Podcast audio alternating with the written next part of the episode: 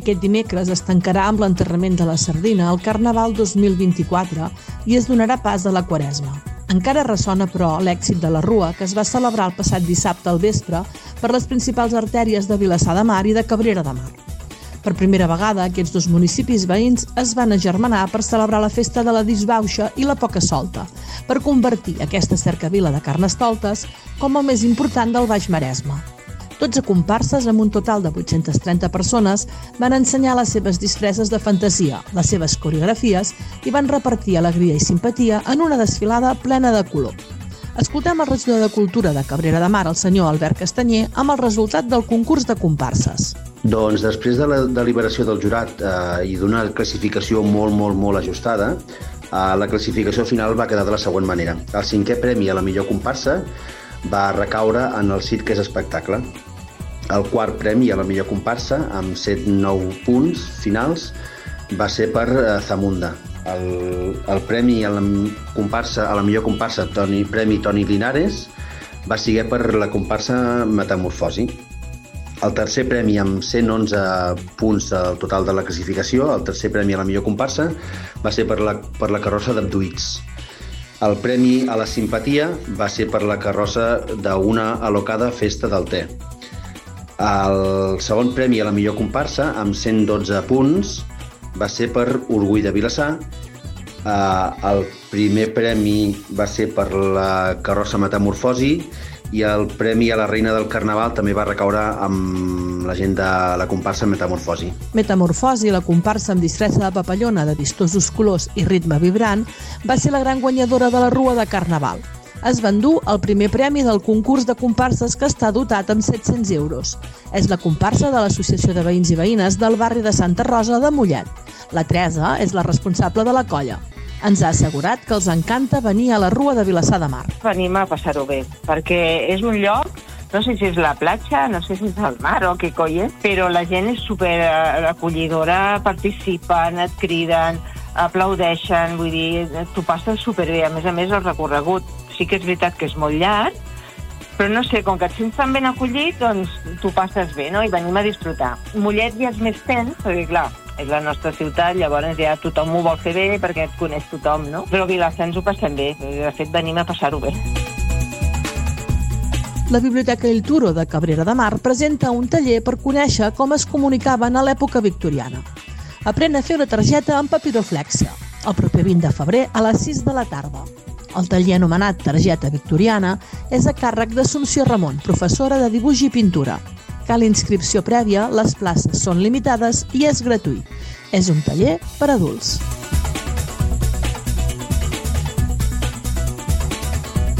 I ara, la informació de la comarca. L'actor maresmenc de Malgrat de Mar, David Verdaguer, ha guanyat el Goya com a millor actor protagonista per la pel·lícula Saben aquell? La setmana passada, Verdaguer va guanyar el Gaudí també com a millor actor. Ha estat guardonat per la seva actuació a Saben aquell, en què interpreta el mític humorista Eugenio.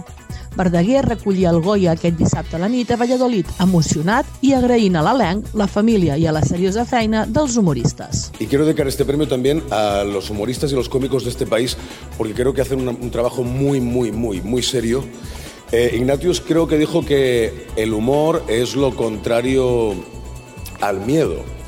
Y yo he descubierto haciendo esta peli que Eugenio era una persona que tenía muchísimo miedo. Y yo también tengo mucho miedo. Y creo que la mayoría de, de la gente que estamos aquí tenemos miedo, pero lo aparcamos y hacemos películas y quizá estas películas sirvan para que alguien cuando las ve se olvide durante un ratito de su miedo. Y eso es muy bonito. La gran triomfadora dels Goya ha estat La Societat de la Neu, de Juan Antonio Bayona. El director de cinema vinculat a Pineda de Mar ha estat guardonat amb 12 dels 13 premis als quals optava. L'empresari turístic Jordi Noguera deixa la presidència del Gremi d'Hostaleria del Maresme després de 8 anys al capdavant de l'organisme i 23 a la Junta. Noguera ha decidit plegar i passar el testimoni a una altra hotelera, Isabel Mallol, qui ha estat directora de la Parotel Miami de Calella i qui ja va ser presidenta de l'Associació Turística de Calella durant 10 anys i fins al 2018. Noguera afirma que els empresaris turístics del Maresme han demostrat una ferma voluntat de progrés i millora dels seus establiments, un fet que considera ha situat l'hostaleria de la comarca com a exemple i referent del bon treball i amb un clar posicionament dins del context turístic nacional i internacional. El Centre d'Estudis Lluís Domènech i Montaner rep una donació dels descendents del president Francesc Macià. En concret, es tracta de fotografies, peces de marqueteria i elements tèxtils decoratiu de la casa que Francesc Macià tenia a la ciutat de Lleida i que va ser enderrocada als anys 70.